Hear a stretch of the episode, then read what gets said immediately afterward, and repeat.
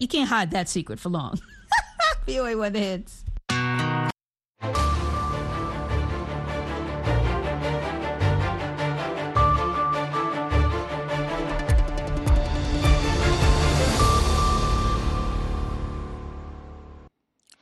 halkani waa washington laanta afka soomaaliga idaacadda v o eda ood si toos uga dhagaysanaysaan mawjadaha gaagaaban efemyada geeska afrika iyo caalamka oo dhan ood nagala socotaan boggeena internetka ee v o a somaly com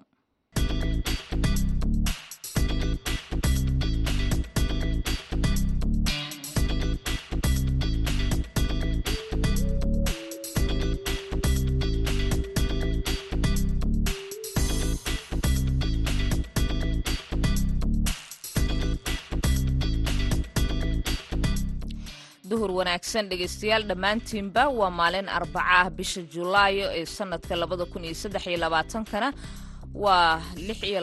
afrikada bari saacaddu waxay tilmaamaysaa kowdii iyo barkii duhurnimo idaacadda duhurnimo ee barnaamijka dhallinyarada maantana waxaa idinla socodsiin doonta anigoo ah sahra cabdi axmed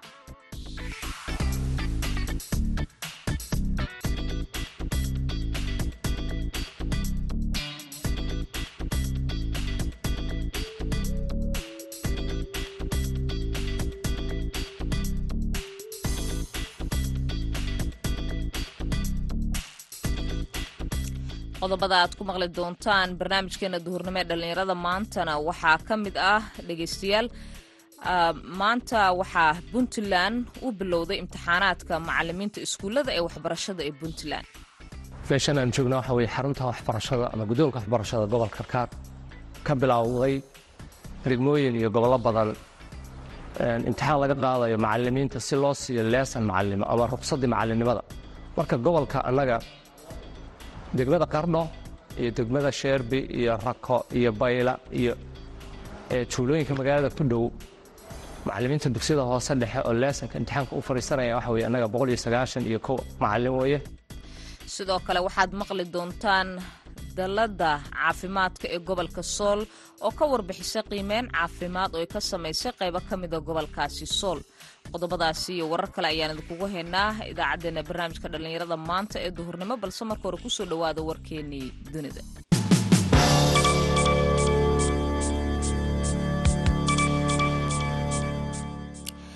aljeeriya ayaa la dagaalamaysa si ay u xakamayso dab ba'an oo ka kacay keymaha mediteraneanka talaadadii kadib markii ay ku dhinteen ugu yaraan soddon iyo afar qof. Mas'uuliyiinta ayaa waxa ay sheegeen iyagooo intaasi ku daray inay ku guulaysteen haatan inay xakameeyaan ilaa iyo afar meelood oo dabkaasi uu ka kacay.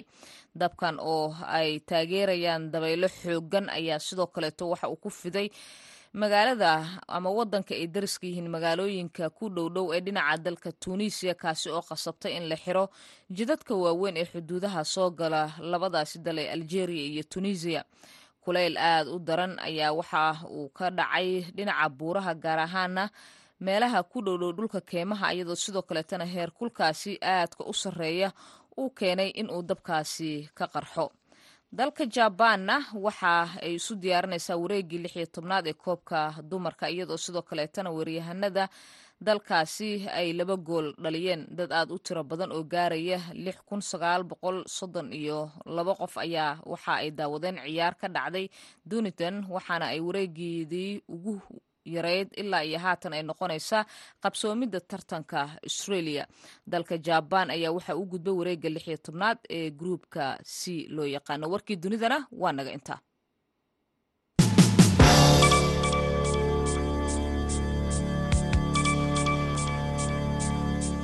Aan ku bilowna ee maamulka puntland ayaa waxa uu bilaabay imtixaanaadkii dadka macalimiinta ay doonayeen inay kaga qaadaan halkaasi ku celiya halkaasi dhegeystayaal puntland ayaa waxay bilowday imtixaanaadkii dadka doonaya inay ka mid noqdaan macalimiinta waxbarashada ee dugsiyada puntland. Dadka imtixaanaadkaasi laga qaadayo waxaa ku jira dhalinyaro waxbaratay. Sida uu ku soo warramayo wariyaha v o eda yuusuf maxamuud yuusuf. Agaasimaha guud ee wasaaradda waxbarashada puntland ayaa magaalada qardho ka daafuray imtixaan laga qaadayo macalimiinta dugsiyada hoose si loo qiimeeyo aqoontooda iyo weliba khibradooda macalinimo kadibna loo siiyo ruqsadda shaqo imtixaankan oo ka bilaabmay guud ahaan deegaanada puntland ayaa waxaa ka qayb ah qorshayaal ay waddo wasaaradda waxbarashada kaasoo lagu doonayo in lagu tayeeyo waxbarashada puntland. Guddoomiyaha waxbarashada gobolka karkaar bashiir axmed galaari ayaa sheegay in macallimiintan ka yimid gobollada ay magaalada qardho kaga qaybgelayaan imtixaan si kor loogu qaado aqoontooda iyo midda ay barayaan dhallinyarada goobaha waxbarashada dhigta. Meeshan aan joogna waxa weye xarunta waxbarashada ama guddoonka waxbarashada gobolka karkaar ka bilowday degmooyin iyo gobollo badan imtixaan laga qaadayo macalimiinta si loo siiyo leesan macalinimo ama ruqsaddii macalinimada marka gobolka annaga degmada qardho iyo degmada sheerbi iyo rako iyo bayla iyo juulooyinka magaalada ku dhow macalimiinta dugsiyada hoose dhexe oo leesanka imtixaanka u fadhiisanaya waxa weye annaga boqol iyo sagaashan iyo kow macalin weeye oo u fadhiisanaya siddeedda maado oo dugsiyada hoose dhexe laga dhigo. Macallin walbina sida wasaaradda inoo soo gudbisay waxaa uu gudbisanaya halka maaddo uu dhigo. Maaddada uu dhigo maaddadaas baa la gudbinay. Waxaa loo soo diyaariyey imtixaan. Maanta ay taarikhdu tahay labayo labaatan bishana waxaa bilowday in imtixaanka macalimiinta laga qaado. Waxaa kale oo jira macalimiinta boqol iyo sagaashan iyo kowda ee gobol karkaarka la gelaya imtixaanka oo la fadhiisanaya yimi ee gobollo kale sida gobolka nugaal degmada dangoroyo iyo tuulooyin hoostaga waxaa ka mid a macalimiin fara badan oo ka yimi iyagana magaalada boosaaso oo iyaguna soo xagaabaxay oo aan weli halkan jooga oo iyaguna imtixaanka halkan loogu fududeeyo kaga qaybgelaya dacwada kale maxamed cali nuur jubba agaasimaha guud ee waxbarashada puntland ayaa docdiisa sheegay muhiimadda laga leeyahay in dhallinyarada macalimiinta ah laga qaado imtixaan si loo siiyo ruqsadaha macalinimo waxaana uu sheegay in tallaabadan looga gol leeyahay tayada waxbarashada jiilka. Taasi waxay wasaaraddu u sahlaysaa ogaanshaha iyo la socodka macalimiinta puntland ee ka shaqaynayso dhigayso iskuulaadka loogu talagalay dhinaca brimariga ah. Dabcan kaasoo muddo dheer laga shaqaynahayay iyadoo ay gacan naga siisay unisef oo nala fududaysay shaqooyinkan. Aad iyo aad baan ugu mahadinayaa shaqadaas hadda inoo socoto waxaa kaloo xusid mudan in ay maanta gobollada puntland dhammaan shaqadaas ay ka socoto imtixaanka macalimiinta laga qaadahayo markii laga reebo gobolka sool dhammaan way ka socotaa howsha iyada ah sidii loo fulin lahaa imtixaankaasna ay u wadageli lahaayeen brimariga macalimiinta mas'uuliyiinta amase macalimiinta ka ah dhammaan iskuulaadka brimariga ah. Waxaa sidoo kale xusid mudan in ay wasaaraddu xoojinayso sidii loogu fududeyn lahaa macalimiinta inay haystaan shahaado amase rusqad inay macalinimadooda iyo waajibaadkooda shaqo ama adeegooda ay u fulinahayaan uwaxeenna soo kacayo loogu fulin lahaa sidii ay u noqon lahaayeen macalimiin qualified ah oo ku takhasusay maadooyinka ay dhigahayaan. Yuusuf maxamuud v o e boosaaso waa tahay aad iyo aad ayuu u mahadsan yahay. Wariyaha v o eda yuusuf maxamuud. Yuusuf markana dhinacii heesaha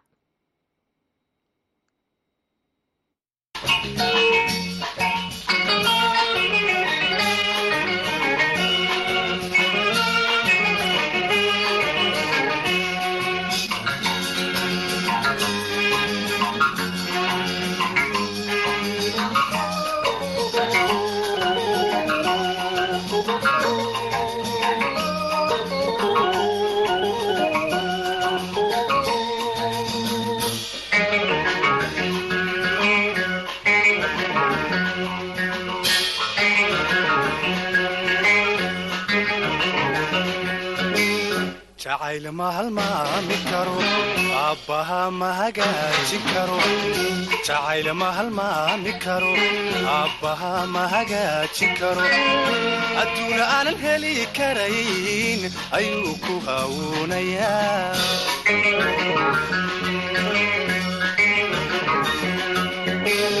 jacayl ma halmaami karo aabbaha ma hagaajin karo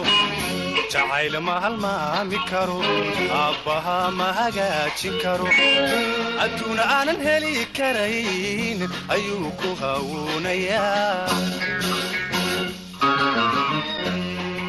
haddii arrinigu habsaday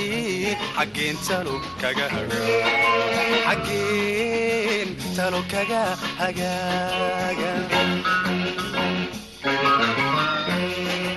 haddii arrinigu habsaday xaggeen talo kaga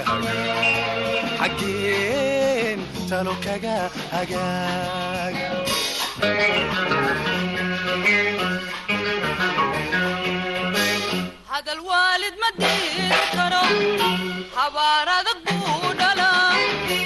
waalid ma diiri karo habaar adag buu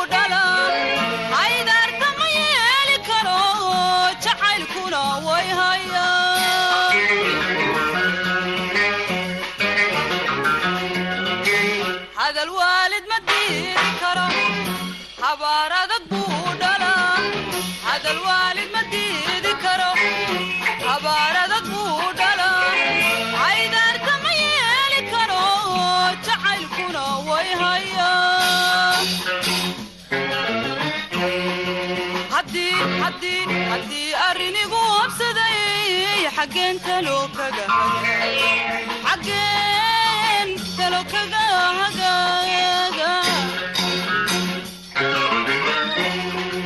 haddii arrinigu habsaday xaggeen talo kaga hagaaga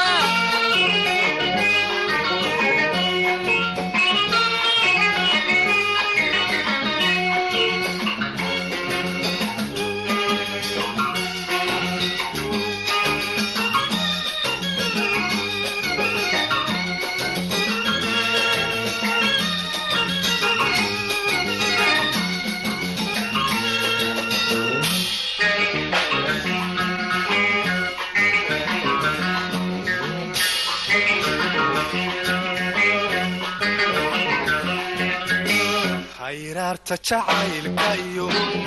haddana hawl deris lanahay hayraarta jacaylka iyo haddana hawl deris lanahay aasaynaan heli karayn waxay ku hagaaginayn.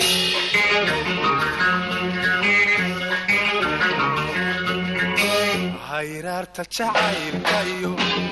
haddana hawl deris lanahay hayraarta jacaylka iyo haddana hawl deris lanahay aasaynaan heli karayn waxay ku hagaaginayn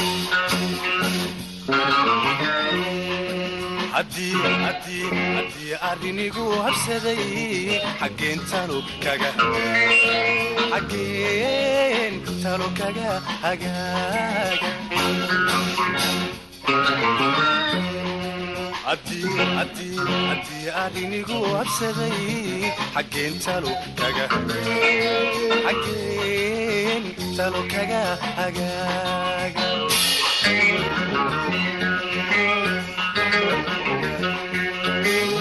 hamada beenayd abbahu waxba mahadradeen hamadan beenayd tidhi abbahu waxba mahadradeen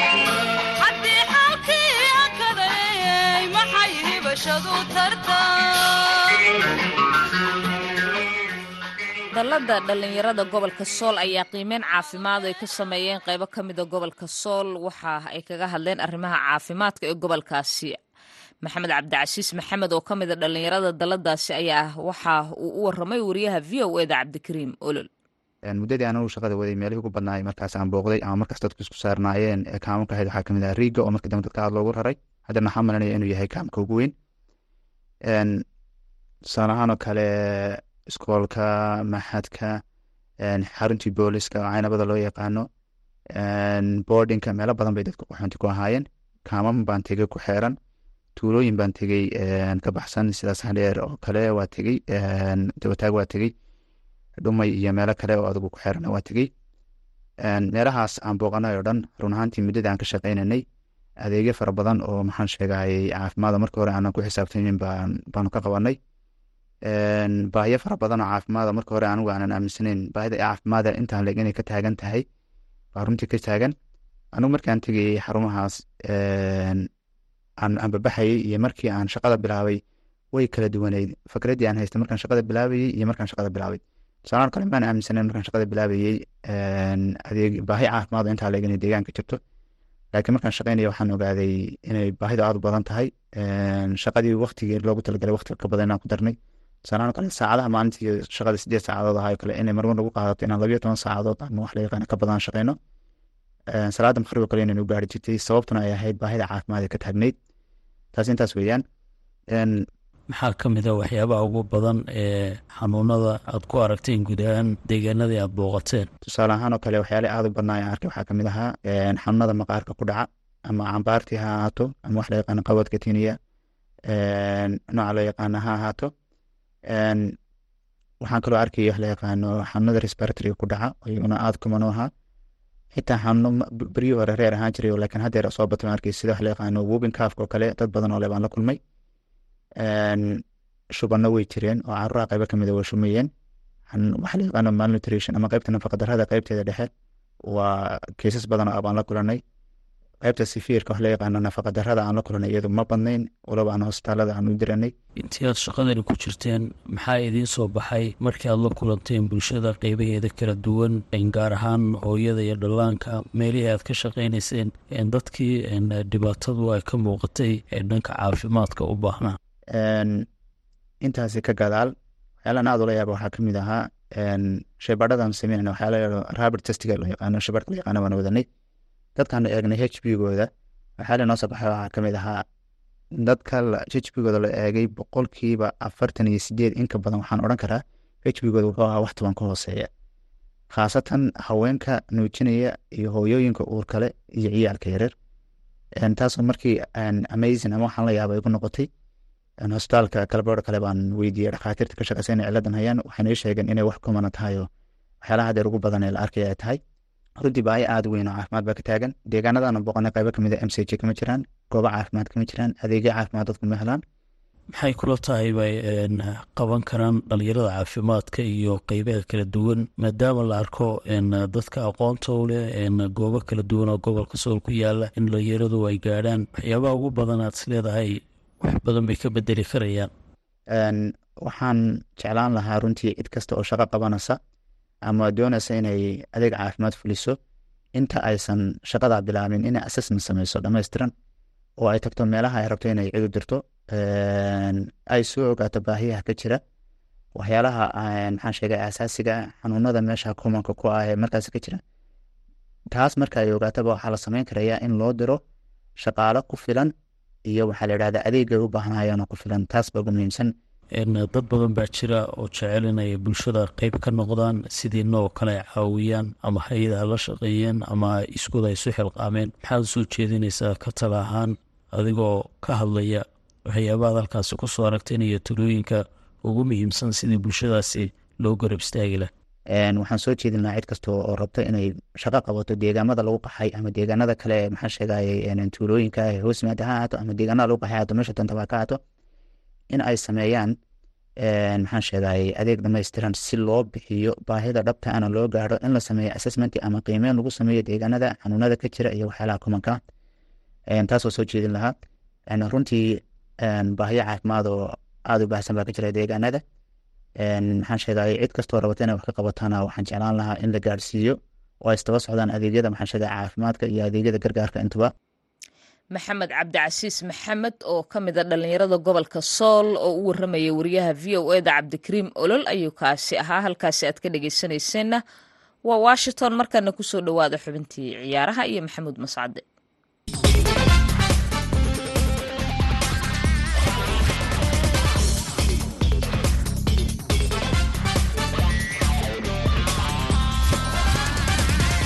kulan wanaagsan dhegeystayaal dhammaantiinba kuna soo dhowaada xubinta ciyaaraha. Waxaad ku maqli doontaan falanqayn ku saabsan ciyaaryahan keliyan embabe oo lacagtii ugu badnayd abid u gaartay kooxda al-hilaal ee waddanka sacuudi carabi laakiin marka ugu horraysa aan ku hormaro wararkii ugu dambeeyey ee xanta suuqa kala iibsiga ciyaartoyda kooxda kubadda cagta ee manchester united ayaa wararku waxay sheegayaan weli inay xusulduub ugu jirto sidii ay ku soo xerogelin lahayd ciyaaryahanka u dhashay waddanka denmark ee rasmus hoyland ciyaaryahankan labaatan jirka oo u ciyaara kooxda kubadda cagta ee atlanta ayaa wararku sheegayaan haatan in manchester united ay awooddeeda isugu geynayso sidii xiddigan ay gegida old trafford ku keeni lahayd. Ciyaaryahankan ayaa wararku sheegayaan in kooxda kubadda cagta ee atlanta ay ku doonayso lacag gaaraysa ilaa iyo boqol milyan oo ganiga ingiriiska laakiin manchester waxa ay diyaar u tahay oo keliya inay bixiso ilaa iyo lixdan milyan oo ganiga ingiriiska. Dhinaca kale kooxda manchester haatan ay soo gashay baa la leeyahay tartanka loogu jiro ciyaaryahanka reer gaana ee u ciyaara kooxda kubadda cagta ee ikis maxamed quduus ciyaaryahankan labiyo labaatan jirka ee reer gaana ayaa sidoo kale kooxaha raadinaya waxaa ka mid a kooxda kubadda cagta ee chelsea. Ciyaaryahan keliyan embabe weeraryahanka reer faransa ee sida weyn xurguftu ugala dhaxayso kooxda kubadda cagta ee b s g ayaa wararku sheegayaan in kooxda kubadda cagta alhilaal ee waddanka sacuudi carabiya ay ka dhigtay lacag gaaraysa laba boqol iyo konton iyo sagaal milyan oo ganiga ingiriiska. Kooxda kubadda cagta ee b s g ayaa dalabka ka yimid alhilaal aqbashay sida wararku ay sheegayaan laakiin waxaa weli dhiman ciyaaryahanku in uu dalabka oggolaado haddaba ciyaaryahankan keliyan embabe suuragal ma tahay. Lacagtaasi in lagu iibsado uu ka tago xilli ciyaareedkan kooxda kubadda cagta ee b s g arrimaha iyo kuwo kaleba waxaa la falanqaynaya jamaal axmed cusmaan oo ciyaaraha ka faallooda kana tirsan laanta afka soomaaliga ee v o jamaal soo dhowow ciyaaryahan keliyan embabe sidaas sheegay waayagii b s g ay muddaba isdiidanaayeen lacagtan faraha badan ay ku gorgorinayso inkastoo la leeyahay way aqbashay kooxda kubadda cagta ee b s g. Isaga ma laga yaabaa inuu ogolaado inuu alhilaal ku biiro waa mahadsantaha mascadde horyaalka dalka sacuudi arabiya. Wuxuu ahaa mid muddooyinkii ugu dambeeyey lacag fara badan bixinayey oo doonaya in ciyaartooy ula soo wareego oo magac ku leh kubadda cagta caalamka. P s g hadda sida muuqata waxay og tahay in ciyaaryahan kelen imbabe uusan la sii joogin wixii ka dambe xil ciyaareedkan hadda bilaabmi doona sanadka soo socdana uu qaab xor ah uga tagi doono oo kooxda doono si bilaasha ugu biiri doono war waxay sheegayaan in real madrid uu goor horeba heshiis la gaaray oo ka uu qaab bilaasha ugu biiri doono. Marka si taasi aysan u dhicinin naadiga manchester p s g anirade waxa ay doonaysaa inay lacag ka samayso ciyaaryahankan kabtanka xulka dalka faransiiska. Alhilaal ayaa lacag aad u fara badan u soo bandhigtay waxay noo sheegtay inay la hadlaan ciyaaryahankaasi. Laakiin warbaahintu waxay leedahay inkastoo uusan embabe weli ka hadlin in ay adag tahay in uu u wareego kooxda horyaalka dalka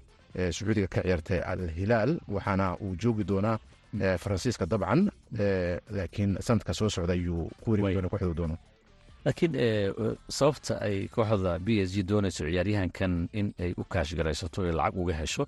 waxay ogyihiin haddii sanadka dambe la gaaro in heshiiskooda uu dhammaanayo uu bilaashna uu kaga tegayo sidaad adiguba sheegtay. Laakiin alhilaal ilaa iyo toddoba boqol oo milyan oo lacag ayay u siinaysaa sanadka mushaar ahaan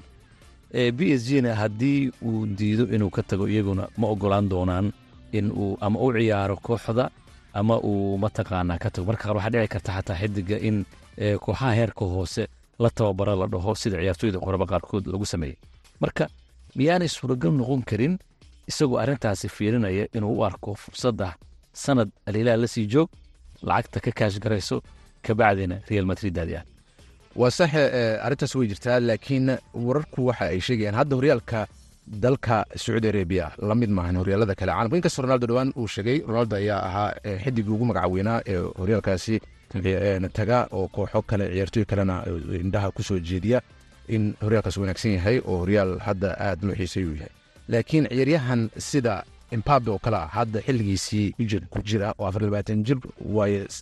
da'diisa in horyaal dalka sacuudiga oo kale uu tago isaga uma arko in ay u noqon doonto sumcad iyo in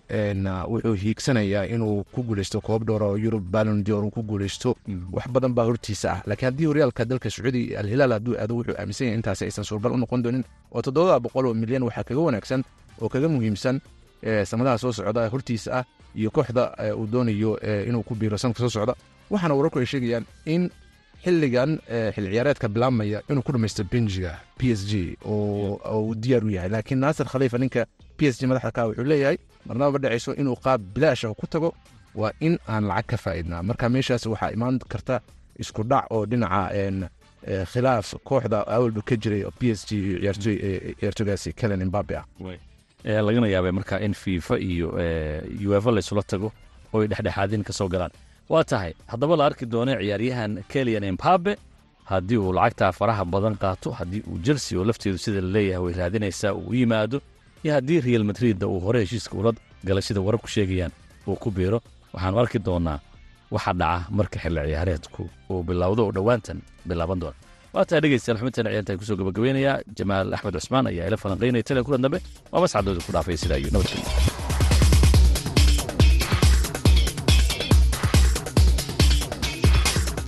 weli si toos ah ayaad noo dhegaysanaysaan maxamuud mascadana aad ayuu u mahadsan yahay iyo barnaamijkaasi ciyaaraha markana dhinacii heesaha aan ku yara nasanno